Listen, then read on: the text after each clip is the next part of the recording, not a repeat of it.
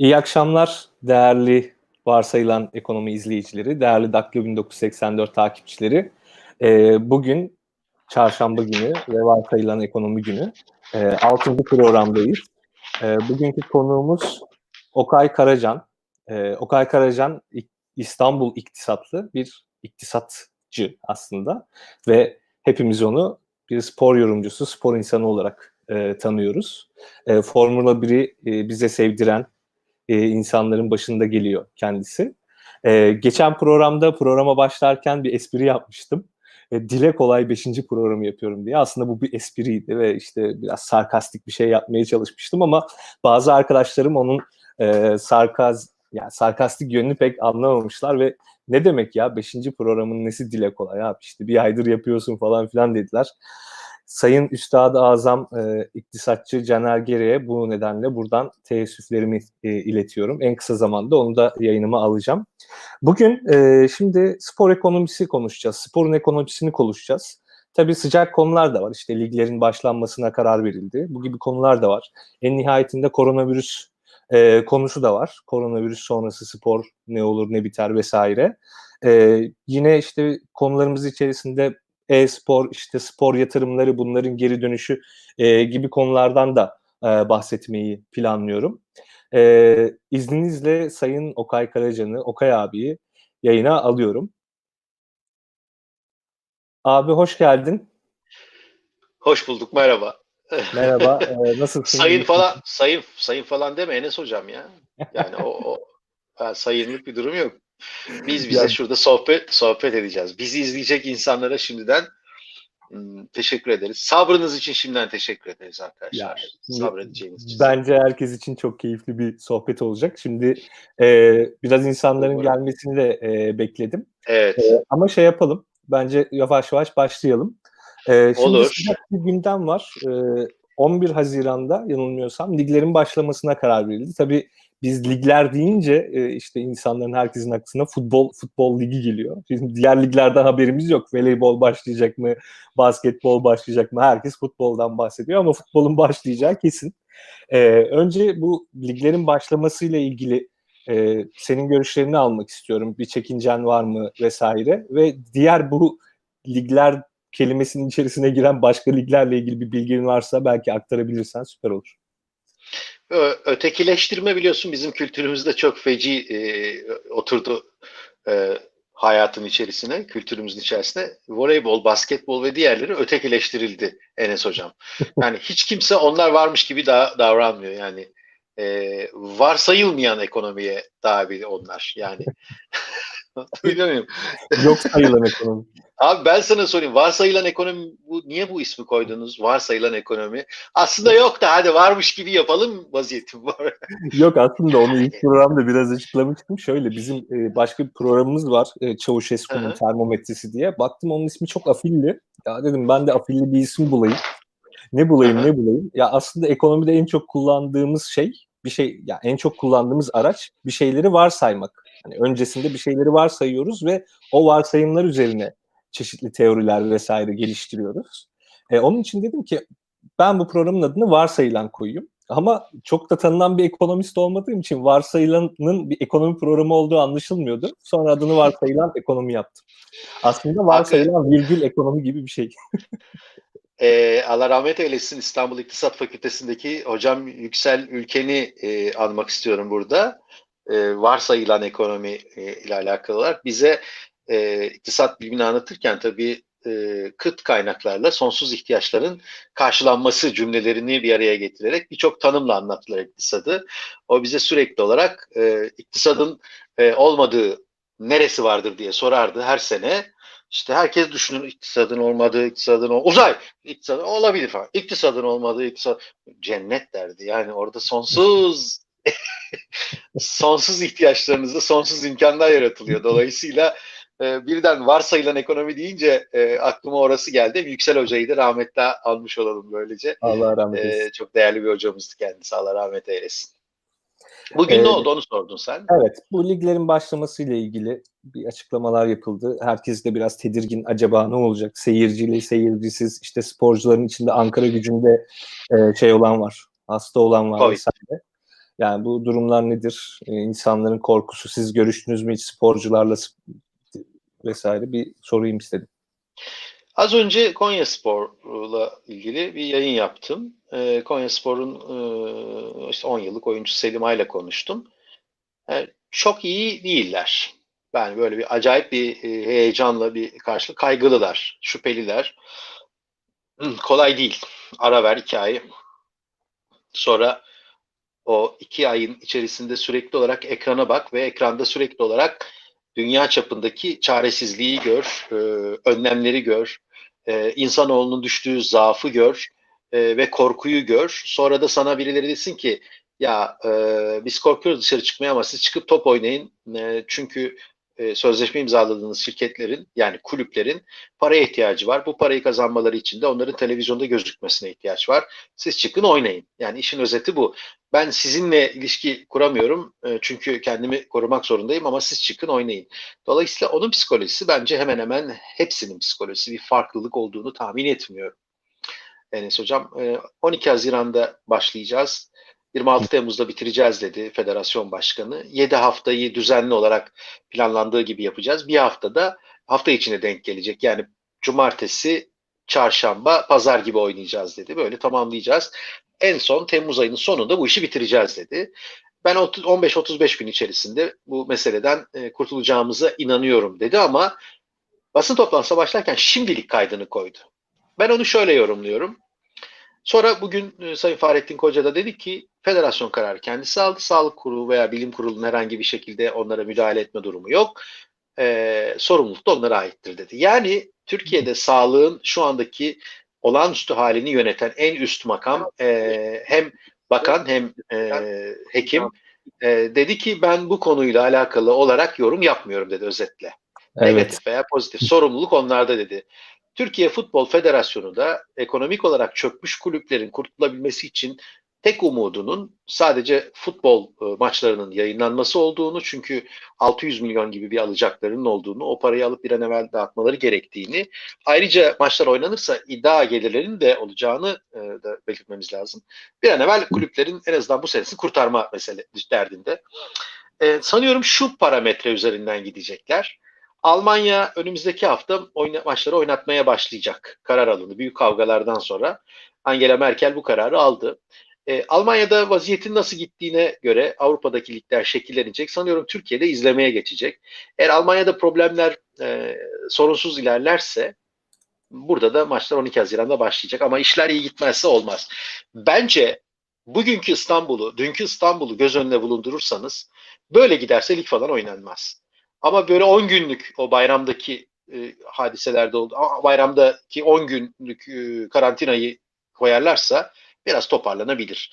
Ben kaygılıyım, şüpheliyim. Ee, insan hayatı ve virüsle alakalı olarak yaratılan hava, her şey normale dönüyor havası. Çözebilmiş değiller. Kaygılıyım ee, ama e, benim kaygılanmış olmam veya bütün medyadaki tanıdıklarımın kaygılanmış olması onların alacağı kararı değiştirmeyecektir. Ama futbolcuların çok istekli olacağını düşünmüyorum. Evet yani aslında bu kararın da arkasında en nihayetinde e, bir ekonomik sahip var. Ekonomik sahipler var. Çünkü futbol artık endüstri diyebileceğimiz bir şeye dönüştü. Yani bunu artık tartışmanın zaten manası yok. E, sanırım e, ölçülemeyen değer, değerlerini vesaire de katarsak yaklaşık 4-5 trilyon dolara ulaşan bir ekonomi yani spor pardon futbol dedim tüm spor pazarı bir endüstrisi 4-5 trilyon dolara ulaştı. E, bu liglerin durması da en nihayetinde e, bu endüstriye oldukça sekte vuracak. E, bu kısa bilgilendirmeden sonra e, diğer konulara geçebiliriz. Şimdi biraz önce bahsettiniz aslında koronavirüs konusunda. Aslında benim tahmin ettiğim gibi e, büyük ihtimal tedirgin e, futbolcular, antrenörler vesaire. Bundan sonrası için yani herkesin konuştuğu şeyler var. İşte bundan sonra yeni normaller olacak. Bundan sonra e, artık e, bazı şeylerin seyri değişecek. Sizce spor camiasında da, spor endüstrisinde de bir şeyler değişir mi? Kalıcı olarak bazı değişiklikler bek- bekliyor musunuz? Tüm endüstriden bahsediyorum. Spor medyası, işte pazarlaması, e, oynanan maçlar, ligler vesaire. Bence e, endüstri devriminin 5. safhasına veya 4. safhasına geçtik. e, birçok şey değişecek. Bugün Türk futboluna baktığınız zaman 100 yılı aşkın yani Osmanlı döneminde kurulmuş, Cumhuriyet döneminde serpilip e, dev olmuş. Milyonları arkasında toplayan Fenerbahçe, Galatasaray, Beşiktaş gibi kulüplerin, 60'lı yıllardan sonra Trabzonspor gibi kulüplerin armalarının e, bankacılık sistemine e, ve e, onlara e, iş ve hizmet sağlayan birçok sektöre borçlu olduğunu görüyorsunuz. Öte yandan onların bünyesinde istihdam ettikleri, kimini 18, kimini 20 yaşında işe aldıkları, futbolcuların, teknik adamların, yöneticilerin ise e, kulüplerden çok daha ekonomik olarak önde olduğunu görüyorsunuz. Türk futbolunun içerisindeki en büyük kaoslardan birisi budur. Yani bugün Galatasaray, Beşiktaş, Fenerbahçe'de futbol oynamış bir tane futbolcunun veya teknik direktörün banka hesabı e, artıdadır. Ama e, rahmetli babama da bir selam göndereyim buradan. E, o da iyi bir tekstilciydi. E, kulüplerin e, bilançoları ise ruj bakiye verir. E, yani e, alarm verir. Alarm vermektedir. E, bu şartlar altında şöyle bir ekonomi çıkıyor gelecekte karşımıza. Örneğin 216 milyon takipçisi var Cristiano Ronaldo'nun. 216 milyon kişi Cristiano Ronaldo'yu sosyal medya ağlarından takip ediyor. Real Madrid'in de Juventus'un da bu kadar gücü yok. Lionel Messi'nin takipçisi kadar Barcelona'nın takipçi ve gücü yok. Attıkları bir tweetle ya da attıkları bir postla e, sistemin e, hemen hemen e, istediği gibi yöne gitmesini sağlayabilirler. Süper sporcular dönemine doğru gidiyoruz. Yani bizde şey vardır ya ünlüsün, starsın falan. Artık evet. ünlülük ve starlık kalmadı. Megastar olman gerekiyor. İşte bu adamlar megastarlar. Yani Ronaldo her gün bir tweet atsa sanıyorum en az 10 sene 3650 defa e, şey başına post başına 50 bin dolardan büyük servet yapar. Dolayısıyla artık kendi medyası, kişilerin kendi medyaları, e, kurumların kendi medyaları olacağı için o büyük dev e, sistemlerde kopma olacak. Şöyle söyleyebilirim. Bugün itibariyle milyonlarca yayın var YouTube üzerinde. Sayılar 50'lerle, 100'lerle, 200'lerle, 300'lerle ölçülür izleyicilerin. Zaman içerisinde, gün içerisinde, gece içerisinde ilgi çeken geri döner ve izler bunu kütüphaneden not alır, bilgi sahibi olur. Sayısı sürekli olarak artar ama yıllarca kalır. Enes Özkan'la Okay Karaca'nın birisi silmezse sohbeti sonsuza kadar kalır bu e, kitaplığın içerisinde.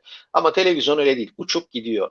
Ve bugün televizyonlara baktığınız zaman e, 700 kişiyle çalışan bir televizyonun korona günlerinde 150 kişiyle yayına çıktığını görüyorsunuz. Patron bir süre sonra 550 kişinin ne kadar gereksiz olduğunu düşünerek onların iş haklarını feshetme yoluna gidecektir mutlaka. Bu televizyonun vedası, dördüncü veya beşinci endüstri devrimi gibi bir kendime göre saçma sapan bir şey uydurdum ama e, televizyonun konvansiyonel medya olmaktan çıkış günleri bunlar. Bugün biz e, Daktilo 1984 hesabından e, iktisat üzerine, spor üzerine, sosyoloji üzerine, aklına gelecek her konu üzerine konuşabiliriz.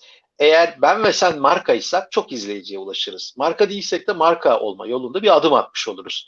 Kendi iktisadımızı burada geliştiririz. Bunun için de devamlılığa ihtiyaç vardır. Bu devamlılık istikrarla, e, yani süreklilikle, sürdürülebilirlikle bir yerde e, finalize edeceğimiz bir iştir. Futbol sporları da öyle. Ben armaların zaman içerisinde e, yetiştirdikleri veya istihdam ettiklerinin e, gücüne ulaşamayacaklarını düşünüyorum. Yani bugün bir televizyonla ilgili sana şöyle bir e, iktisat e, işinde olduğumuz için onu söyleyeyim, bir bilgi vereyim. Bir e, şifreli kanaldan X bir yayını, X bir kişinin futbol üzerine konuştuğu yayını e, aboneler içerisinden ölçtüğün zaman 12 bin kişi, 7 bin kişi veya 600 kişi veya 100 kişi izliyor. Mesela bazı yayınlar var ki 10 kişi bile izlemiyor, reji izliyor. Ama e, aynı adam YouTube kanalından 50 bin kişiye ulaşabiliyor. Hiçbir maliyeti yok. Sadece şu cep telefonu ve internet hattıyla. Dolayısıyla bu yeni bir ekonomi demektir. Oraya doğru kulüplerde gidiyor. Sanıyorum yeni dönemde şöyle bir şey olacak. Kulüpler proje üretmek durumunda kalacaklar. Mesela üniversite proje üretiyor. İstanbul Üniversitesi'nin sosyoloji, edebiyat fakültesi, iktisat fakültesi, bilimum fakülteleri diyor ki ders verelim, e, konferans yapalım, e, üniversiteyi tanıtalım, bilimi yaygınlaştıralım diyor ve kendi mecrasından yayın yapıyor. Bu kadar basit. Net. Ama futbol kulüpleri bunu yapmıyorlar. Çünkü e, fazla eleganlar ve fazla kendilerine güvenmişler. Mesela Türk futbolunun içindeki en büyük problemler, düştüğü kaoslardan biri budur. Türk futbol kulüpleri kendilerini dünyanın en iyi kulüpleri olarak algılarlar. Taraftarlara bunu algıdatırlar. Ama onların kurdukları televizyonların izlenme oranları reytinglere girmez. Çünkü oraya ürün koyamazlar. Ürün niye koyamazlar? Çünkü gerçek televizyoncuları çalıştıramazlar, çalıştırmazlar. Çünkü maliyetli bir iştir. Ee, bu şartlar altında yeni dönemde sosyal medya üzerinde özellikle güçlü içeriklere ihtiyaçları var. Yani bizim kulüp en büyük. Kazandık. Voleybol takımımız şöyle oldu. Ay, basketbolda yürüyoruz öyle olacak iş değil bu. İnsanlar şöyle demeli. Ya Beşiktaş kanalında bir acayip bir program var onu izlemek istiyorum. Fener kanalında aa coştuk ya falan. Bunları yapabilmeleri lazım. Yeni dönemde bu kulüpler büyük kazançlar elde edecekler. Ee, ve o kulüplerin mensup futbolcular da yürüyecekler. Bak çok enteresan bir şey söyleyeceğim. Beşiktaş, Fenerbahçe ve Galatasaray'a gelen birçok futbolcu var değil mi? Van Hooydonk'lar, Snyder'ler, Drogba'lar, Gomez'ler, aklına gelebilecek herkesi sayabilirim burada. Hepsinin takipçi sayısına baktığın zaman kendi meslektaşlarından daha çok olduğunu görüyorsun. Niye? Çünkü bu ülkede sosyal medya takip eden genç sayısı fazla. Ve onlar için bir ekonomik e, ekonomik değer demek bu. Ciddi bir ekonomik değer demek. Evet. Buraya geldiğinde buraya geldiğinde Instagram'da 18 bin takipçisi olan bir futbolcu 800 binlere falan çıkabiliyor. 800 bine çıktığı zaman da firmalar ona şunun e, tweetini at, bunun e, postunu koy, sana şu kadar para veririm diyerek onlarla ilişkiye giriyorlar.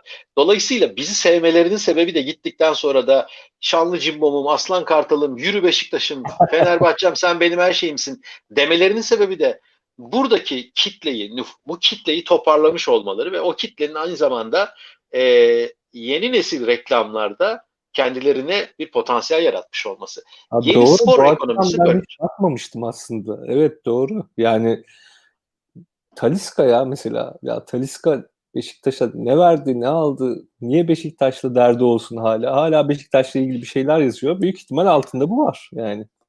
E şüphesiz o topluluğu da elinde tutman lazım. Yani çünkü onlar senden benden daha e, ben merkeziyetçi yaklaşıyorlar olaya. Ben bir tweet atayım da dur bir post koyayım da ortalık karışsın filan ve havalara girsinler diye. Bakıyorlar işte 5 500 beğenme var. E, bakıyorlar öbür tarafa 15 bin var. E, demek ki kullanmaları gerekiyor. Mesela hani bu ülkede gerçekten büyük top oynamış e, insanlar var. Bakıyorum e, ara sıra işte kulübün kuruluş yıl dönümünde şampiyon olduğu günlerde işte gol attığı günün e, seneyi devriyesinde fotoğraf paylaşıyorlar ve mesela ondan bir önceki postu 30 bin kişi beğendiyse bu postu 350 bin kişi beğenmiş oluyor. Diyor ki Türk kitleyi de tutayım.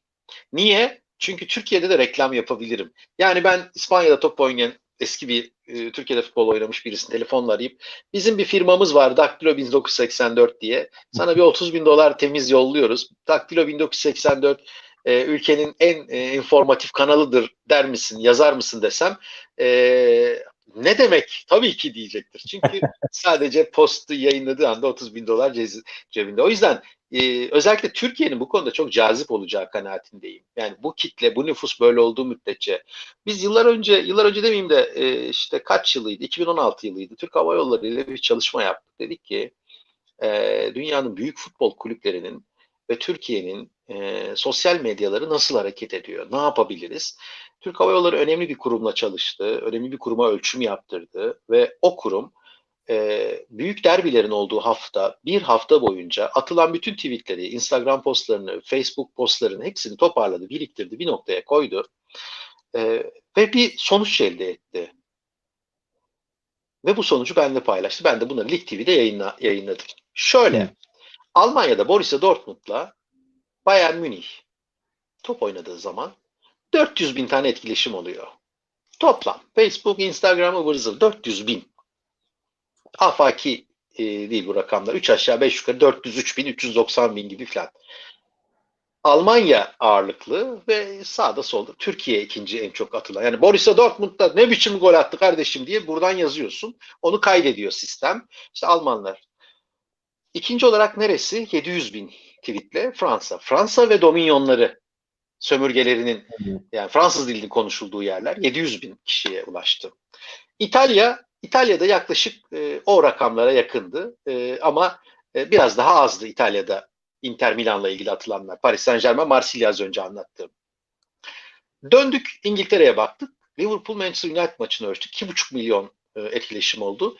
İngiltere e, adası ve dışında Türkiye'de dahil olmak üzere dünyanın her yerinden tweet atılmıştı. Özellikle uzak doğu olmak üzere veya post girilmişti. Yani global bir lig olduğu, global bir efektif bir alanı e, etkilediği görünüyordu İngiltere Premier Ligi'nin. İki buçuk milyondu. Döndük baktık e, bu işin sonu Türkiye'ye gidiyor sanırım Barcelona ama. Real Madrid.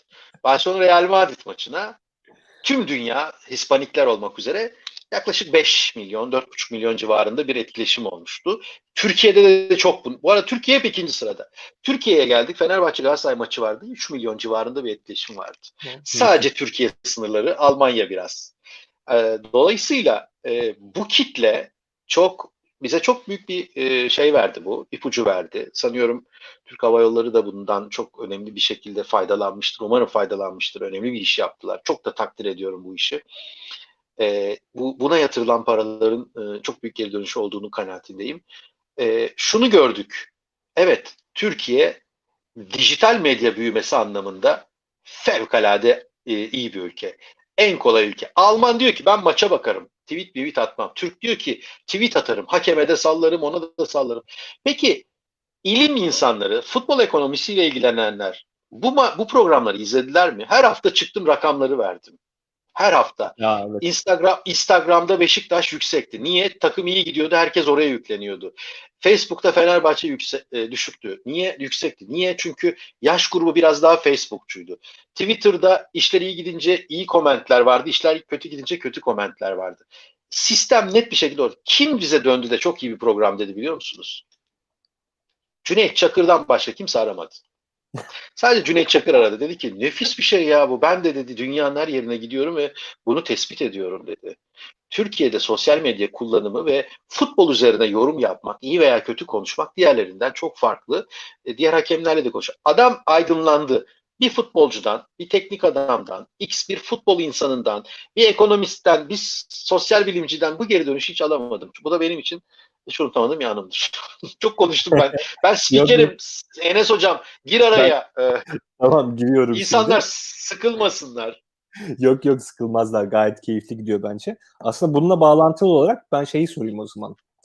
Yine aslında yeni bir sektör ve milyar dolarlar. StreamYard'la ilgili e, çok güzel bir uygulama kullanıyoruz biz. E, orada soru sorulduğu zaman e, tıkladığınızda tak diye burada görebiliyorsunuz soruyu. Evet evet. Ee, şey, Biliyorsunuz şey, değil mi? Biliyorum biliyorum. Soruları alacağım. Evet soru sorabilirsiniz tamam. arkadaşlar bu arada chatten. Chatten soru alacağım yayının sonuna doğru. Ee, şimdi evet. biraz önce bahsettiklerimizle biraz bağlayayım. Yine milyon milyar dolarlık bir sektör, artık büyüyen bir sektör. E-spor. Adında spor evet. var ama çoğunlukla oturularak yapılıyor. Bizim spor anlayışımızın biraz dışında. Ama büyüyen bir sektör. Türkiye'de de önemli gelişimler var. İşte kripto paralar, e-spor, bunların iç içe olduğu projeler vesaire. Yani oldukça büyük bir bilgi birikimi ve bilgi karmaşası aynı zamanda var. Ee, bilmiyorum bu konulara ilginiz nasıl ama en azından biraz önce bahsettiklerinizle bağlantılı olduğu için e, bu soruyu da sormak istedim. E-spor, Türkiye'de e-spora yatırım yapan kulüpler var. Bir ara Beşiktaş çok fazla ilgilenmişti. Ee, Türkiye'de bu işler nasıl oluyor sizce? Bir de buradan aslında şeyi de bağlayayım. Ee, herkese de duyuru yapmış olayım. Büyük ihtimal haberiniz vardır ama Play Spor diye bir kanalları var şu an. Okay abilerin bazı arkadaşlarıyla birlikte kurduğu ve bayağı kaliteli içerikler çıkıyor. Ee, orada ben baktım bir e-spor programı e, göremedim. Belki benim gözümden kaçmıştır. E, siz de orada e-spor programı da yapmayı düşünür müsünüz? Hani formüleyi sevdirdiğiniz gibi bir de belki e-sporu sevdirme durumu olur mu acaba? Böyle total bir soru sorayım. Varsayılan spor diye bir isim de koyayım ben ona aslında. Varsayılan Olabilir, spor. Tam spor değil böyle varsayılan spor. Enes hocam ben e, ben e-sporun e, fizik kullanılarak e, yapılan bir spor olmadığı için spor olarak değerlendirmesine evet. karşıyım. Yani e-spor oradan spordan o ismi almış ve e, elektronik ortamda kendini yasallaştırmış. E, oynayanlara, ilgi duyanlara çok büyük bir saygım olmasına e, karşın onu spor olarak adetmiyorum. Çünkü e, tabii çok iyi takip ediyorum. E, bu işe yatırım yapmış arkadaşlarım var, oynayan insanları tanıyorum. Sadece şu kadar örnek verebilirim. En son bir e, e-sporun en büyük yatırımcısının açtığı yere gittiğimde oradaki sporcuların hepsinin e, böyle e, e, atkı saçlı e, saçları böyle olabilir gayet normal. Fevkalade yakışıklı çocuklar ama hepsi kilolu gördüm. Yani göbek falan karışmış böyle falan. Böyle spor olmaz. Yani sürekli böyle yani bana kızacaklarını biliyorum. Yani bunu Evet, spor olarak değerlendirmek. Sek- sektör mü? Evet sektör. Ee, para kazandıran bir sektör mü? Evet milyonlarca dolarlık yatırım yapılıyor. Milyonlarca dolarlık hisse el değiştiriyor. Özellikle şu günlerde e, herkes bu oyunu oynuyorlar. Sürekli olarak satın almalar yapıyorlar. Bu konuyla ilgili olarak tanıdığım insanların bana söyledikleri şu. Yani e, evet biz hiç etkilenmedik bundan. Yani aynen gidiyor. Daha da çok para kazanıyoruz. Hmm. Ee, yani düşünebiliyor musunuz? Fenerbahçe. Beşiktaş, Galatasaray, Manchester United, Barcelona, Real Madrid kriz yaşarken e-spordakilerin hiçbir şekilde kriz yaşamadıkları bir ortam. Dünya dönüşecek o tarafa doğru. Az önce dedim ya kendi içeriğini üretmek zorunda kulüpler diye. İşte kendi içe- içeriğini üretirken e-sporda başarmak zorundalar. İyi bir başarıya ihtiyaçları var. İyi bir akla ihtiyaçları var. Dediğin gibi hem Beşiktaş hem Galatasaray hem Fenerbahçe bunu başaramadılar. Ee, özellikle kripto ekonomisi yani kripto para ekonomisini, kripto parada ne olup ne bittiğini kulüplerin bilmesi lazım. Yani e, kripto parayla bir loyalty sağlayabilirler. Yani çünkü kripto parayla bu işleri yapmak çok kolay. Yani çok basit bir örnek vereyim. Tamamen şu anda uyduruyorum. Ee, evinizden kulübümüze gelene kadar attığınız adımlar size e, şu kadar coin kazandıracak. e, işte şu kadar alkış maç esnasında şu kadar coin kazandıracak gibi bir sistem yapabilirler. E, sezonun bütün maçlarına geldiğinizde şu kadar coin'iniz garanti. Yani e, kripto parayla taraftar sadakatini bir araya getirecek formüller üzerinde yürüyebilirler. Ya bisiklet şubesine yönlendirebilirler, yüzme şubesine yönlendirebilirler, aile üyeliklerine yönlendirebilirler. Yani kripto çevresinde çünkü kripto dediğiniz şu yayın yaptığımız ekranın üzerinde tuşlarla oynayabileceğimiz bir şey. E, kripto ekonomisi üzerinde, coin ekonomisi üzerinde yeni bir dünya kurabilirler, kurgulayabilirler. E, artık bunu yapmayan da e, kusura bakmasın e, mazide büyük kalacak, gelecekte e, küçülecektir. Bunu yapma mecburiyetindeler. Çünkü paranın bir kısmı orada. Düşünebiliyor musunuz? Bundan 7-8 sene önce çok fazla değil. Üç büyüklerden birisi bu meseleye bodoslama dalsaydı, sadece bir futbolcuya verdiği 3-5 milyon doları bu sektöre yatırmış olsaydı, şu anda kulüp para basıyordu büyük ihtimalle. Hem kendi logo hakları var, hem satın aldığı oyunlar var, artı oyunları yönlendireceği taraftarı var. 10 milyon 20 milyon taraftardan bahsediyoruz. Büyük fark yaratabilirlerdi. Peki diyeceksin ki söylediler mi bunlara bir şey? Evet söylediler. Ama maalesef o kulüpleri yönetenler iyi tüccar olmalarına, iyi ticaret adamı olmalarına, büyük patron olmalarına rağmen ekonomist değiller. Yani ekonomi politiği de bilmiyorlar. Ekonomik, sosyo, sosyoekonomiyi de bilmiyorlar. Dünyaya da bakmıyorlar. 7-8 sene önce birilerini dinleselerdi bugün e, bambaşka bir dünyada olabilirlerdi. Yani artık kulüpler bence e, tarla alacaklar, biber ekecekler. Bir örnek vermek istiyorum. Altınordu Futbol Kulübü İzmir'de e, yaklaşık 6 seneden beri tesisleşmesini sürdürüyor. İzmir'in e, hem Selçuk'ta hem Torbalı'da çeşitli yerlerinde tesisleri var. Avrupa'nın şu andaki en iyi tesislerine sahipler. Çimler, zeminler, e, çim sayısı, zemin sahası. Ama orada sürekli olarak inek, keçi, koyun, tavuk, et, süt, yumurta üretiliyor. Çilek, domates, biber, patlıcan, aklına gelebilecek her şey üretiliyor. Çocuklar topluyorlar ve yemekhanede yiyorlar.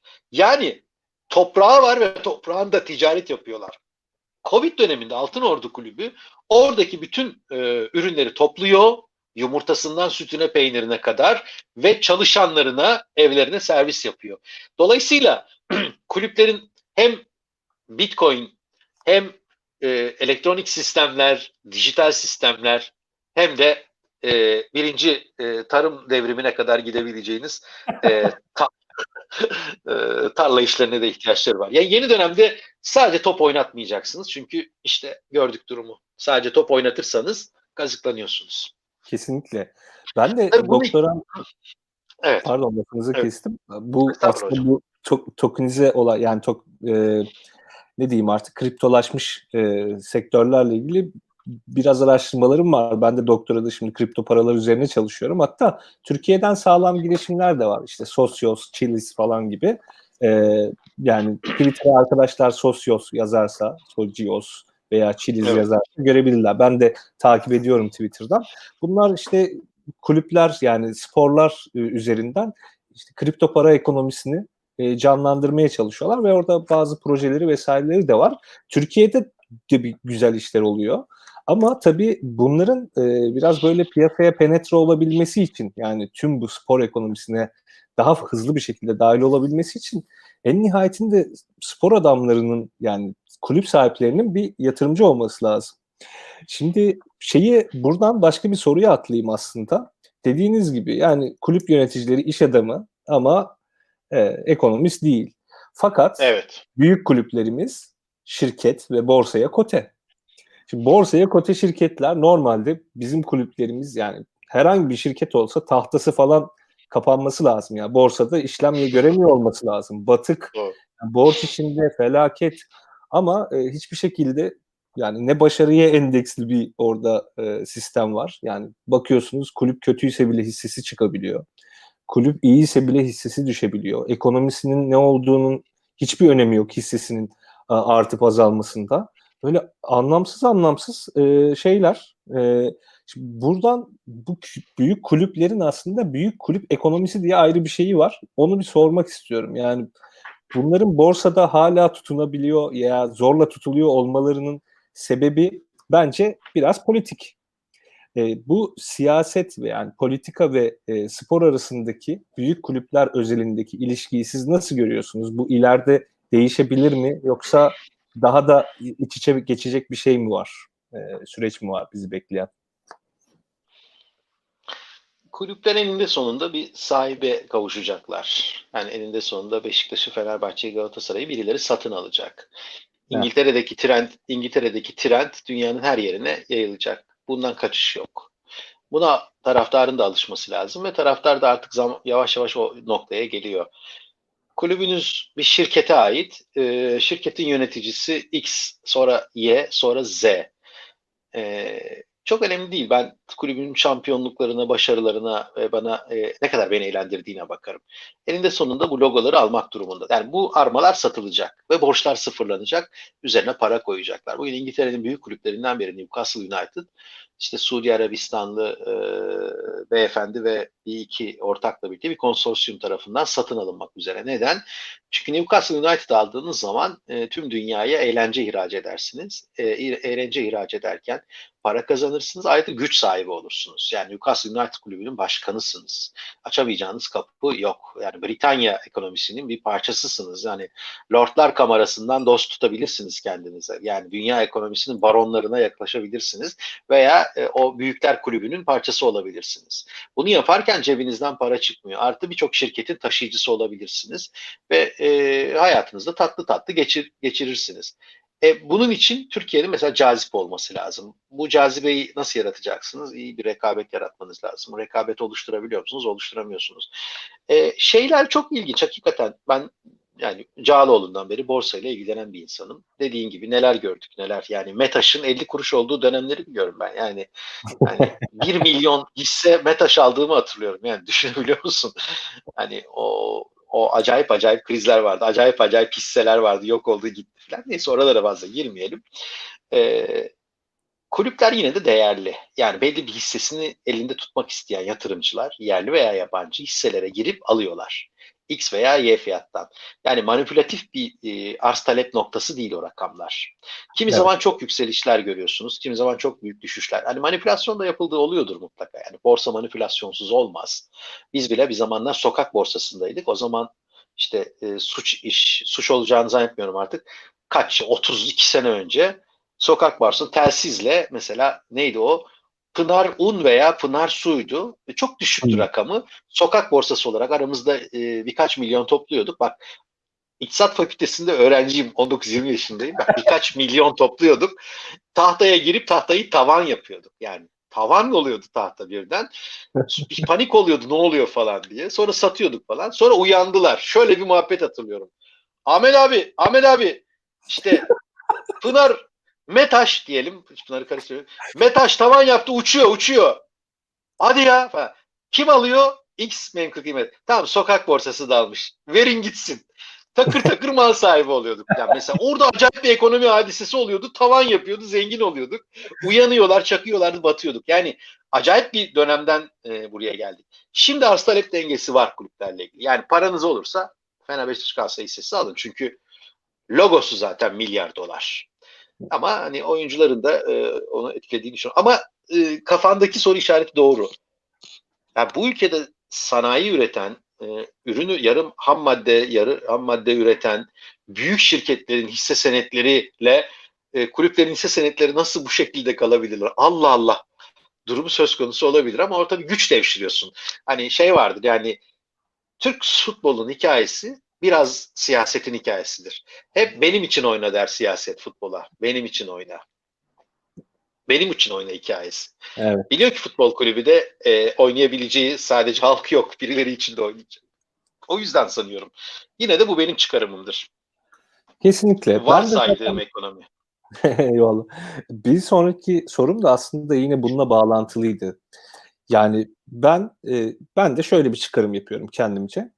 Sporun yani özellikle futbol gibi çok daha fazla göz önünde olan bazı sporların amatör sporları dışarıda bırakırsak piyasalaşmadığı zaman siyasileştiğini, politika malzemesi haline geldiğini görüyorum. Bu çıkarımı nasıl yaptım?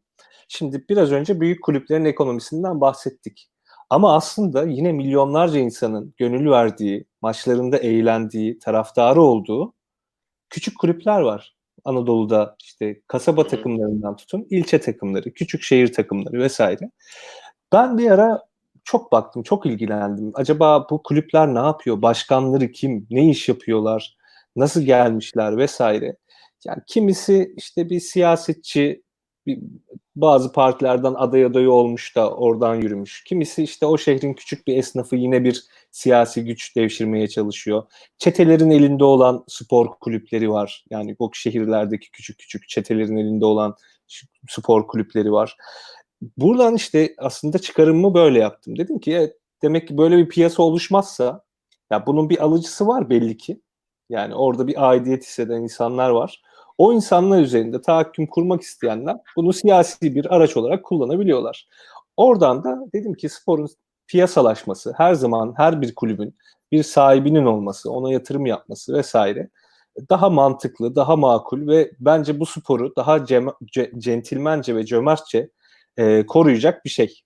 E, bilmiyorum yani siz hem de sosyolojiye de çok ilgi duyduğunuz için acaba bu konular Evet. hakkında ne düşünürsünüz? Ben benim bu çıkarımım yerinde mi?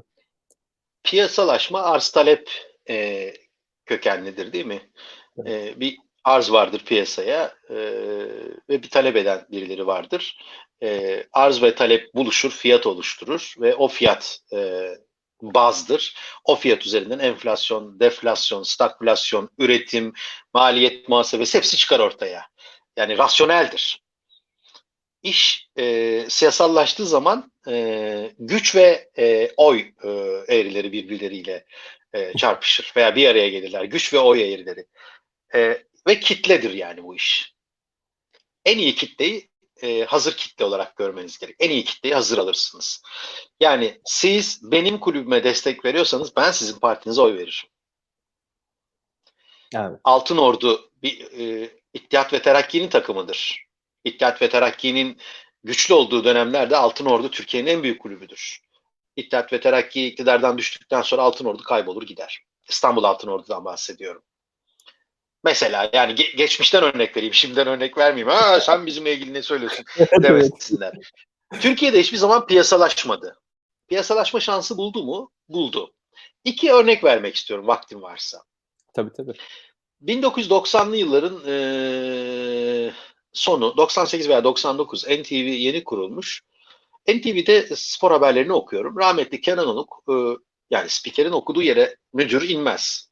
Böyle efsane bir adam al şu haberi ver diye inmez. Yönetmen kulağına söyler sen de söyler geçersin. Elinde bir kağıtla yayına indi. Ben de yayındayım. verdi elimi. Tabii o da TRT spikeri. Ben de o tip durumu idare etmeyi bilen insanız. Aldım şöyle baktım oku dedi. Son dakika bir haber vermek istiyorum. Çok acayip bir haber sayın seyirciler dedim. Ben de e, tabii biraz işi e, abartıyorum. Drama queen oluyorum orada. e, drama king değilim daha doğrusu. Sevgili seyirciler, Interstar televizyonu ile Fenerbahçe anlaşmaya vardı. 50 milyon dolar yıllık Fenerbahçe'nin yayın hakları bundan sonra Interstar televizyonunda. Kenan abi ki devam et. Bir daha okudum, bir daha okudum. Sonra en sonunda dedim ki bu Türkiye'de e, spora olan talebin, e, spora olan ilginin e, gördüğü bir karşılıktır ve artık çıta çok yüksektedir. Yeni bir dünya bizi bekliyor dedim. Star Televizyonu e, sadece Fenerbahçe'ye yönel. Niye analiz etmişti? Çünkü Fenerbahçe'nin dataları çok iyiydi. Fenerbahçe taraftar kitlesinin tüketim alışkanlıkları e, en üst seviyede. E, loyalty dediğimiz yani sadakat çok fazla. Yani parasının yarısını Fenerbahçe'den forma almak için kullanabiliyor. Yani onun aslında Kurtuluş Savaşı yıllarına dayanan e, tarihsel kökenleri var. Kimsenin açıklayamayacağı. İslam Çupi'nin Fenerbahçe büyüklüğü e, başka bir büyüklüktür. Kupa veya şampiyonluk büyüklüğü değil demesinin arkasında bir şey vardı. Ben Beşiktaşlıyım bu arada. Hani Fenerbahçe propagandası yapıyor demesinler. E, sosyolojik olarak da Fenerbahçe, Galatasaray, Beşiktaş'ı Osmanlı'da kuruluş döneminden bugüne kadar merhale merhale e, takip ediyorum. Bir çalışma da çıkarmaya e, çabalıyorum ortaya. İlk piyasa yapıcı onlar oldular. Yani market maker'lık yaptı Cem Uzan. Dedi ki Fenerbahçe'nin değeri bu. Ben buna bu parayı verir bunu kazanırım dedi. Kazanırdı da. Ama havuz bozulmadı. Havuzda e, çalışıldı ama mesela Fenerbahçe'nin alacağı para havuzdan daha yüksekti. Yani Fenerbahçe daha fazlasını hak ediyordu. Ben bağımsız da satarım ve alır götürürüm diyordu. Fenerbahçe, Beşiktaş, Galatasaray uzatmayayım. Sistemi fonlayacak kulüpler. Daha sonra Galatasaray'ın Avrupa Şampiyonası UEFA kupasını alması, Galatasaray'ın genç kitleyi eline geçirmesiyle birlikte aynı pozisyona Galatasaray geldi. Şimdi Galatasaray Fenerbahçe'yi geçmiş olabilir. 2010 yılındaki ihalede Aziz Yıldırım e, ihaleye gireceklere uyarı yaptı. Dedi ki bu ligin değeri budur. Çünkü benim değerim budur. Benim değerim alacağım değer üzerinden fonlayın dedi. O para girdi Türk futboluna. Fakat piyasalaşma e, biraz suni bir piyasalaşma olduğu için varsayarak bir ekonomi yaratıldığı için siyasallaşma geldi arkasından. Ne evet. oldu? Kulüpler milyonlarca e, dolar para kazanmaya başladılar. Ve herkes o paraya göz dikmeye başladı. Ciddi bir para geliyordu televizyondan. E televizyondan gelen para da güç demekti ve bu gücü de ancak siyasal e, güç kullanırdı. Ve Türk futbolu siyasallaştı. Bu arada tabii ki e, kimseyi itham etmek istemiyorum. Türk futbolunun kurulduğu günden beri bu siyasallaşma vardır. Herhangi X bir siyasal partinin değil, e, bu toplumun davranış modelinde bu vardır. Ve e, bugünkü batışın temelinde de bu paradan nasiplenmek isteyen kulüp yöneticilerinin, e, market maker'lık yapan, 300 liralık topçuyu 3 milyona satan menajerlerin, parayı kırışan ahbap çavuş ilişkilerinin, e, medya gazıyla e, overrated e, topçuların e, oluşturduğu futbol dünyasının suçu vardır. Futbolumuz hiç yükselmedi ve futbolcularımız yükseldi. Başta söylediğim yere geliyorum. Bugün 10 yıl büyük takımda futbol oynamış bir futbolcunun serveti e, korkunç boyutlardadır. İstese kulübü satın alabilir. Bu kadar. Evet. Yani tespitin çok doğru. Piyasalaşacak. Nasıl piyasalaşacak? Birileri çıkacak. Diyecek ki arkadaş aldım kulübü. O zaman piyasalaşma. Çünkü o zaman patron diyecek ki elektrikleri söndürün bakayım. Ne bu futbolcu 2 milyon mu? Gönder 200 binlik topçu getir. Yani rahmetli İlhan Cavcav'ın bir zamanlar yaptığı gibi. Kesinlikle. İlhan Cavcav un fabrikası sahibiydi. Tarladan buğdayı almayı, buğdayı öğütmeyi, satacağı yeri, lojistiği, bu işi yapan tüccarların ruh halini hepsini bilen bir adamdı. Kesinlikle. Futbolu da öyle yönet. Futbolu da öyle yönetti ve başka bir seviyeye gitti. Rahmetli öldüğünde Gençler Birliği'nin kazasında 50 trilyon vardı. Bugün ne kadar var bilmiyorum. Ya İlhan Cavcav, benim de bir küçüklük anım var İlhan Cavcav'la. Öyle mi?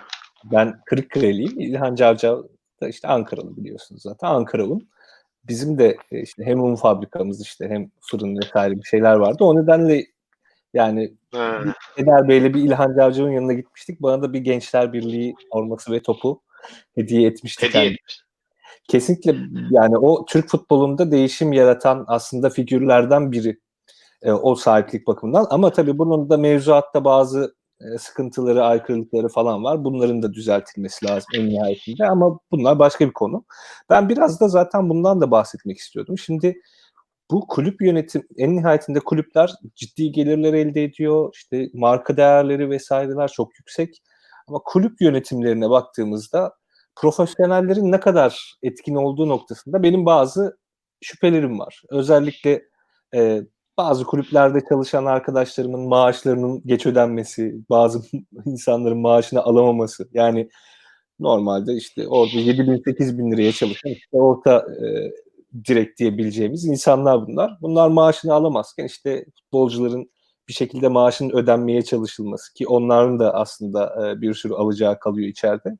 Bu gibi problemler var. Yani inanılmaz bir şey dönüyor. E, yani sahte bilim için derler ya pseudo science. Böyle bir pseudo ekonomi dönüyor bu büyük evet. kulüp içerisinde. Bahsettiğiniz menajer e, sisteminin de buna dahil olduğunu düşünüyorum. E, bu sahiplik olmadan da yani farklı modeller var mı kulübün profesyonelce yönetilmesi için? Mesela Borussia Mönchengladbach örneği var bir önümüzde. Bravo. Evet, Bravo. birkaç örnek var ama hani başarıya ulaşmış e, önümüzde çok da örnek yok gibi. Hani bunlar al, e, kazadan kurtulanlar mı? Yoksa hakikaten sağlam modeller mi? Yani uygulandığında farklı yerlerde aynı sonucu verebilecek modeller mi? 90'lı yılların ortasında İngiltere futbolu e, kendisine e, e, Londra borsasını, Londra borsasına kote olmalıyı ve e, uluslararası yatırımcılara açılmayı e, bir kurtuluş yolu olarak gördü. Özellikle İngiltere'nin elde ettiği, kulüplerin elde ettiği o e, halktan topladıkları parayla e, korkunç bir büyüme yaşandı. O büyümeyi e, sistemi iyi yöneterek, e, ideal yöneterek, açık, şeffaf yöneterek profesyonellerle çalışarak sağladılar. Yani kulübün içerisinde ekonomistinden psikolojisine, psikoloğuna, e, sosyoloji sosyoloğundan e, X'ine kadar insanlar vardı. Muazzam bir e, yapılanma. Yani İngiliz futboluna o para aktı ve o parayla İngiliz futbolu bir noktaya geldi. Ve hala o güçle. İtalya'da Parma, Lazio gibi takımlar e, o halka açıldıkları parayı futbolculara yatırarak Parma battı zaten. Lazio bazı başarılar elde etti. Sonra o para kayboldu. O para bir daha gelmez. O bir daha bir daha halka açılamazsın sürekli. Yani halka bir kere açılırsın. Sonra yeniden işte bir şekilde satarsın, alırsın falan filan. Bir İngiltere o furyayı iyi değerlendirdi. İyi profesyonelleri vardı. İtalya değerlendiremedi. Orta kalitede profesyonelleri var. Almanya'yı başka bir evrenden kaydediyorum. Başka bir yere koyuyorum. Türkiye'de hiç profesyonel yoktu. Amatördü. O parayı aldılar, hava yaptılar ve kayboldu. Esas Türk futbolunun batışı odur zaten Enes Hocam. O dönem İstanbul Menkul Kıymetler Borsası'ndan, borsanın da cazibesi üzerinden gelen para, o finansı yatırıma, üretime, pazarlamaya değil de 300 e, liralık oyuncuyu 2 milyon liraya satın almaya bağladıklarında mesele koptu gitti. E, dolayısıyla bugün en doğru hareketi kim yapıyor derseniz Altın Ordu Kulübü. Ben 7 yıldır Altın Ordu Kulübü'nü e, takip ediyorum bir gazeteci olarak. Çok da iyi dostlar edindim orada. Şunu görüyorum. E, kendi tesisleri var Avrupa çapında. Herkes dilini ısırıyor. O acayip tesisleri var. E, şu anda İngiltere'de 4-5 milyon euroluk bir e, e, rakamla transfer edilmek istenen futbolcularına 2500 lira maaş veriyorlar. Bazı oyunculara verilen maaşlar piyasada yani arz taleple piyasalaşmış orası. Arz taleple belirlenmiş rakamlar üzerinden. Kulüp sattığı oyunculardan kazandığı parayla altyapıyı besliyor. O parayla yatırım yapıyorlar. Ceplerinde para durmuyor yani. Kasada 2 milyon dolar durmuyor. Hemen bir arazi alınıyor üzerine çim yapılıyor. E, arazi çim haline getiriliyor belki ama o tarım arazisinin yanına bir de tarım arazisi tarım yapılmak için alınıyor. E, kulüp başkanı futbola kendini adamış. Az kişi çalışıyor, çok çalışıyor ve çok iyi bir e, PR şirketiyle çalışıyor. Kendine ait bir PR şirketiyle çalışıyor. Yani otomatik olarak profesyonelliğin zirvesindeler. Tek eksikleri var. Taraftar sayıları az. E, artı İzmir'de oldukları için biraz e, ötekileştiriliyorlar. Benim yorumumdur bu. Onların hiç öyle bir serzenişi olmadı şimdiye kadar. e, bir, bir de şunu söyleyebilirim. Kıskanıyorlar. Yani hadi ya olur mu öyle falan. Olur ya abi işte yani Ya. e, şu anda bütün kulüplerin eminim ki Altın Ordu'dan baba siz ne yapıyorsunuz? Bir dakika formülü bize verin dediğini. Çünkü biliyorlar artık tarlada üretmeden olmayacak bu işler. Türkiye'deki en doğru sistem budur. Yani e, belki kişiye bağımlıdır. Yani bir kişi tarafından yönetiliyor. Mehmet Seyit Özkan'ın e, kendi ekonomik yatırımıyla ama o da bunu e, hovardalık olsun veya ben ünlü olayım herkes beni tanısın diye yapmıyor. Bunu Türk futboluna Türk gençlerine güveniyorum diyor ve ithalata dur diyor ve o topraklarda futbolcu yetiştirerek yapıyor. Yani onu hepsinin ötesine koyabilirim. Yani bütün kulüplerin e, öbür tarafı. Sivas Spor, Mecnun Otyakmaz yıllardan beri yönetiyor orayı. İyi tesisler yaptılar. Altyapı tesisleri yaptılar. E, fiyatlamayı oyuncu alırken doğru kurguluyorlar. Satarken doğru kurguluyorlar. Ve yıllardır ligdeler. Sivas gibi bir ülke. İşte Sivas gibi bir yerde e, bunu başarıyorlar ve büyük işler yapıyorlar. Yani hesabı kitabı doğru yapan insanlar kazanıyorlar. Kesinlikle. Yani ben de zaten bu e, aslında anlayışın şöyle keşke biraz daha profesyonelleşmesi yani keşke biraz daha profesyonelleşse diyorum. Yani Mehmet Seyit Özkan gittiğinde de bunu devam ettirecek birileri olsa, İlhan Cavcav gittiğinde de bunu devam ettirecek. Altın orada öyle. Evet yani umarım bu bir model olarak yani dünyanın neresinde uygulanırsa uygulansın tutabilecek yani ufak tefek tabii değişiklikler olabilir ama umarım bir model olarak oturur. Türkiye'de de yaygınlaşır diyorum. Ee, şimdi aslında 51 dakika olmuş. Yayını da yavaş yavaş kapatmak istiyorum ve son bir soru sorayım yine de. Ee, özellikle benim de kanayan yaramdır. Çok da bazen gülerim e, ağlanacak halimize. Olimpiyat stadı, Formula 1 pisti gibi e, futbolla ilgisi yok ama en nihayetinde çoğu zaman siyasi kararlar ve yanlış siyasi kararlarla yapılan bazı yatırımlar var Türkiye'de. Formula 1 pisti yapılırken özellikle çok büyük e, heveslerle işte duygu selleriyle falan filan anlatılmıştı herkese ama şu an işte düğün yapılıyor sanırım. İşte otopazarı falan kuruluyor. E, bir de arazisinde işte birileri ineklerini vesairesini otlatıyor. Şimdi dünyanın tabii çoğu yerinde bu olimpik e, bazı e, tesisler falan kullanıma kapanıyor. Hani ölü yatırım oluyor ama Türkiye'de de var bu örneklerden. Özellikle Formula 1 pistini vurguladım. E, bu da spor ekonomisi çerçevesinde bence e, insanların bu alana yatırım yapmasının önünde bir engel olarak gözüküyor. Yani spor aslında bir saman alevidir. Yani işte bizim bildiğimiz bu kulüpler dışında, kulüp ekonomisi dışında kalan spor bir saman alevidir. İşte yani olimpiyattır. İşte yaparsın bir ayda geçer gider. Formula 1'dir. Yılda bir gün gelir. O da geleceği de kesin değil. Geçer gider. Böyle büyük yatırımların yapılmasını engelliyor bence bu ölü yatırımlar. Siz bu ileride şeyi nasıl düşünüyorsunuz? Yani spor ekonomisi içerisinde artık böyle büyük yatırımlar olmayacak mı? Ya da en basitinden şey örneği 2024 e, e, neydi? Olimpiyatı ile 2028 olimpiyatını e, aynı anda açıkladılar şeyini, şehirleri. Yani biri sanırım Los Angeles'tı, e, biri de Paris olması evet. lazım yanlış hatırlamıyorsam. Şimdi her dört senede bir normalde şehirler giriyordu, yarışıyordu vesaire. Artık hiçbir şehir olimpiyat düzenlemek falan istemiyor. Yani çünkü tesis maliyetleri vesaire had safhada. Ee, yavaş yavaş ben böyle onun için spor ekonomisini şey e-sporu da biraz sormuştum. Ee, bu büyük maliyetli yatırımlardan spor alanında kaçınabileceğini e, görüyorum insanların. Siz ne düşünüyorsunuz bu konuda? İngiltere'de geçen yıl 72 milyon bilet satılmış. 72 milyon. Futbol, basketbol, voleybol, kano, yüzme, tenis, eskrim ne varsa 72 milyon kişi para vermiş. 100 lira vermiş olsa 7.2 milyar lira yapar bu. Ki 100 liradan daha fazladır bu. Tahminim 200 lira ortalamadır. 14 milyar lira yapar. Türkiye'de böyle bir para yok. Formula 1 veya başka bir spor. Bakın yaşanmış örnektir. Türk halkının e, eğlenceye bakış açısı ya bedava bilet bulabilir miyiz? Tarkan'ın konserine sen tanıyorsun bir bilet ayarlayabilir misin? Okay hocam sen futbolun içerisindesin. Derbiye bir bilet ayarlayabilir misin? Yani biz genelde bedavacı bir toplumuz. Yani oraya verilen paranın aslında e, havaya verilen bir para olduğunu düşünerek o işi de ciddiye almıyoruz. Ama e, konu tarla almaya, arazi almaya ve betona yatırmaya gelince koşa koşa yapıyoruz. O işin bizi nereye götüreceğini bilmiyoruz. Türkiye'de Formula 1 yatırımı bizi nereye götüreceğini bilmeyenler e, tarafından doğru yatır kullanılmadı. Formula 1 pisti e, iyi bir pist, iyi bir yerdeydi. Reputasyonu da yüksekti. İşletmeci değildik biz. İşletmeyi Bernie Ecclestone'a verdik. O da İngiltere'deki fiyatların aynısını dayadı. 750 liraya Formula 1 bileti izleyeceğine 750 liraya Fenerbahçe kombinesi alırsın. Bu ülkede ekonomik düzey düşük. Eğer o fiyatları 150'ye indirselerdi pist dolardı. İnsanların ilgisini görebilirler. Türkiye Formula 1 geldi. Formula 1'i şöyle pazarladılar. Doğan grubu. Ee, popçular ve topçular.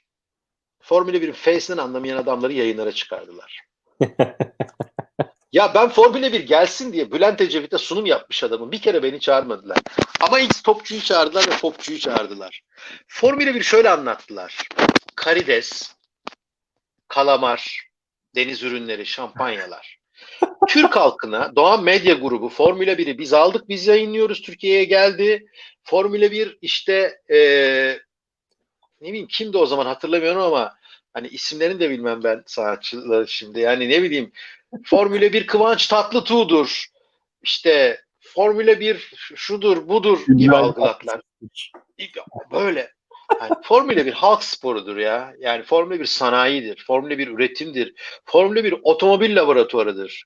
Formula 1'in hayalini kuran çocuklar Formula 1'i evde televizyondan seyrederken efendim ee, hiç alakası olmayanlar da geldiler tribünden izlediler. Hatırladığım bir sahneyi anlatayım. Yıldırım Demirören, Adnan Polat ve Aziz Yıldırım öyle oturuyorlardı. Hiç bakmıyorlardı bile. Oraya davet etmişler. Ve birçok futbol kulübü, basketbol, birçok iz. Hiç alakaları yoktu Formula 1 ile. Keşke gencecik çocuklar gelebilseymiş. Tabii bu sponsorları. Mesela cici kızlar var PR şirketlerinde. Ha ha ha ha ay, ay, ay, ay Kıvanç'ı kesin çağıralım. Kıvanç umursamıyor ki birader ya. Abi sen Kıvanç'ı boş ver başka birini çağır ya. Yani Enes Hoca'yı çağır. Bir işin başka tarafından mı? Çok takipçisi var. Enis Arıkan'ı çağıralım. Enis Arıkan'ın ne alakası var kardeşim? Pazarlama, PR yok. Formula 1 pistini Intercity'ye verdiler. Intercity orada e, otomobillerini e, şey yapıyor, e, depo olarak kullanıyor. Zaman zaman çeşitli orada internal yarışlar yapılıyor. Pist dünyanın en iyi pistlerinden birisi. Türkiye'ye çok büyük bir katkı sağlıyor. Yıllık 26 milyon dolar gibi bir paraya e, yapılıyor bu iş. Devlet vermek istemedi ve onlar da gittiler. Zaten ilgi olmadığı için de çekildiler. Doğru yatırım e, Antalya'ya yapılmalıydı. Çünkü yaz aylarında Antalya'ya gelen Alman turistlerin zaten her 10 turistten 9'u Formula 1 hayranı. İngilizler geliyor. Alanya ve Antalya'dan sadece gelen turistlerle tribünler dolardı. İlgi yüksek olurdu. Ama bu ekonominin göbeği İstanbul'dur. İstanbul'dan ayrılmayalım dediler ve yapamadılar. E, pist yapmak değil, insan yetiştirmek önemli. Yani üniversite yapmak değil, insan yetiştirmek önemli. İnsan evet. yetiştiremiyoruz. Futbol kulübünü yönetmek için e, milyonlarca dolara ihtiyacınız yok. Kafası çalışan bir iki adama ihtiyacınız var. Ve e, o insanların hiçbir şekilde manipüle etmeyeceği kadar karakterli olmasına ihtiyacınız var. Çok zor Türkiye'de ekonomi. E, İngiltere'de yatırımlar sürecek. E, her geçen günde statlar yenileniyor. Özellikle Tottenham'ın yaptığı stat efsaneydi. Yarın West Ham yaptı, Tottenham yaptı. United yenileyecek, City'nin stadı yenilendi. E, İngiltere'de yükselecek. Almanya sürekli olarak Mönchengladbach örneğini verdin. Taraftarla iletişimi, ilişkileri de çok iyi. Türkiye'de devlet stadyum yaptı, içine insan dolduramıyoruz. Spor kültürünü geliştirmemiz lazım. Biz Fenerbahçe ile ilgili Play Spor'da yayın yapıyoruz. Kendi YouTube kanalımız Play Spor'da. 15 bin kişi izliyor. Konuştuğumuz şu, Emre Belezoğlu e, takımı kontrol edecek. Bielika teknik direktör olacak, e, sağ bek alacaklar, sol bek alacaklar, belki stoper alacaklar gibi konulardan konuşuyoruz. 15 bin kişi izleniyor, 15 kişi tarafından izleniyor. Dünya spor nereye gidiyor diye bir sosyolojik açılım yapıyoruz. Rakamlar veriyoruz, grafikler yayınlıyoruz. 500 kişi izliyor. evet, Artık Türkiye'de po- popülizm var. Türkiye'de popülizm var. Şöyle, bizim bu yayınımızı bin kişinin izlemesi için benim önce bir e, saçmalamam, sizin bir saçmalamanız, önce bir tukaka edilmemiz, yani rezil herif denilmemiz, ismimizin ayyuka çıkması, yayına çıktığımız zaman da bakalım bunlar ne yapıyorlar, ne maymunluk yapacak Enes Hoca ile Okay diye dönmeleri lazım. Yani önce bir rezil olman lazım vezir olmak için. Sürekli rezil olmamak için çalışanların da bu ülkede bir karşılığı yok ne yazık ki. Ama bu tip insanlar bir kişi de olsalar da olağanüstü sonuçlar doğurabiliyorlar. Bu da sosyolojik e, terminden aldığım bir e, pasaj olarak kalsın burada. rezalet bir rezalet bir durumdayız Enes hocam. Rezalet bir durumdayız yani Ya, gerçekten. Bir yerde e, üzerine biraz daha düşünmek lazım tabii her şeyin. Ama ben biraz da şöyle bakıyorum. Yani iflah olmaz bir iyimserim belki de tam da bilemiyorum ama ya yaptığımız Öyle iktisatçı olmaz. İyimser iktisatçı olmaz hocam. O zaman başka bir iş yapın. İktisatçı her zaman kötümserdir. yani iktisat açısından değil de belki kendi hayatım açısından Ha, iyimserim. eyvallah ona bir şey diyemem.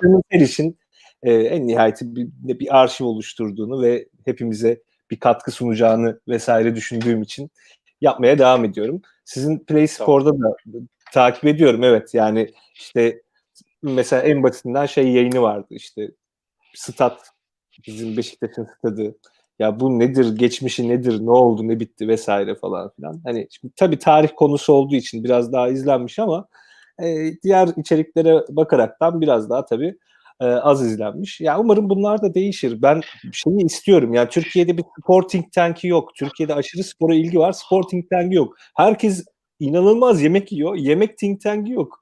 Yani bu şeylerin ekonomisi diye bahsettiğimiz e, ekonomilerin üzerine düşen yok yani. Çok sıkıntılı bir durum. Orada izlenmeyle ilgili şöyle bir şey söyleyeyim.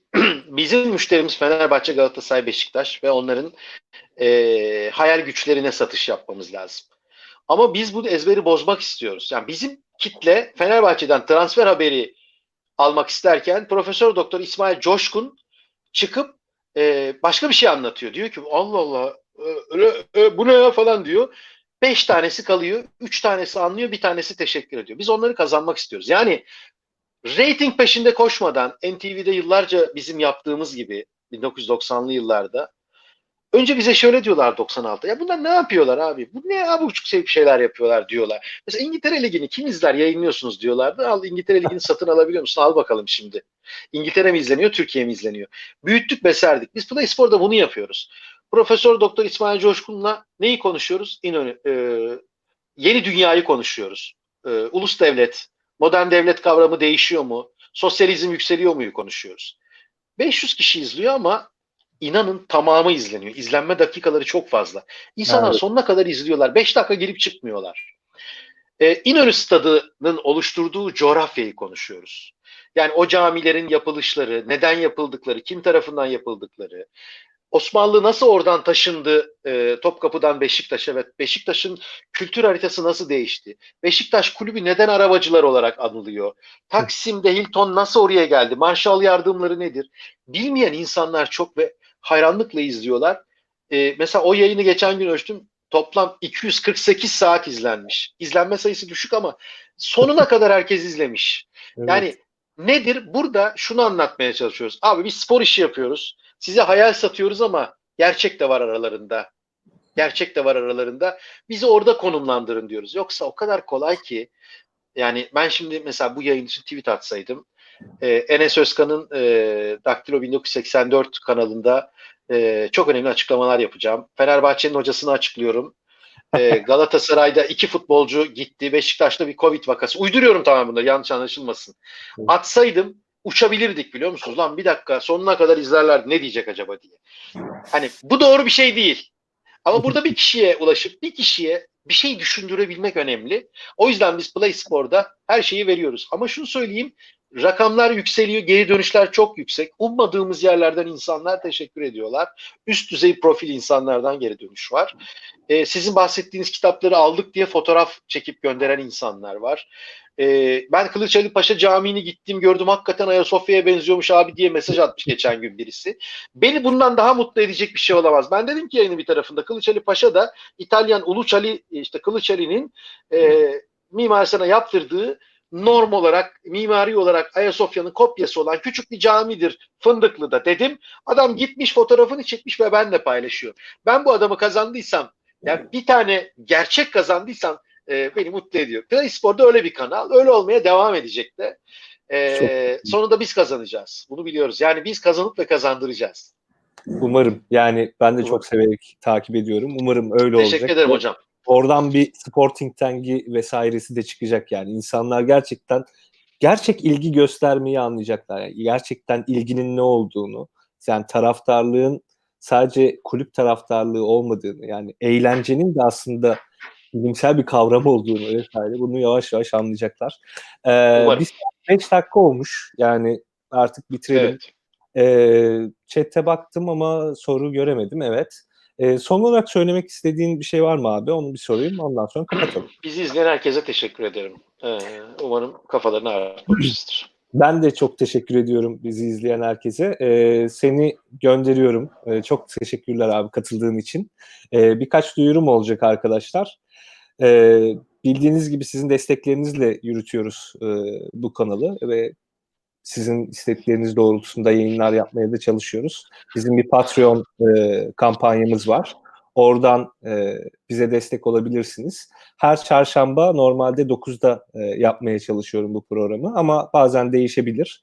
E, aynı zamanda daklo1984.com diye bir sitemiz var. E, özellikle akademik bilginin daha kolay erişilebilir ve daha fazla yaygınlaştırılabilir olması için çaba harcıyoruz. Orayı da ziyaret ederseniz çok sevinirim. E, hepinize tekrardan izlediğiniz için çok teşekkür ediyorum. Hoşçakalın.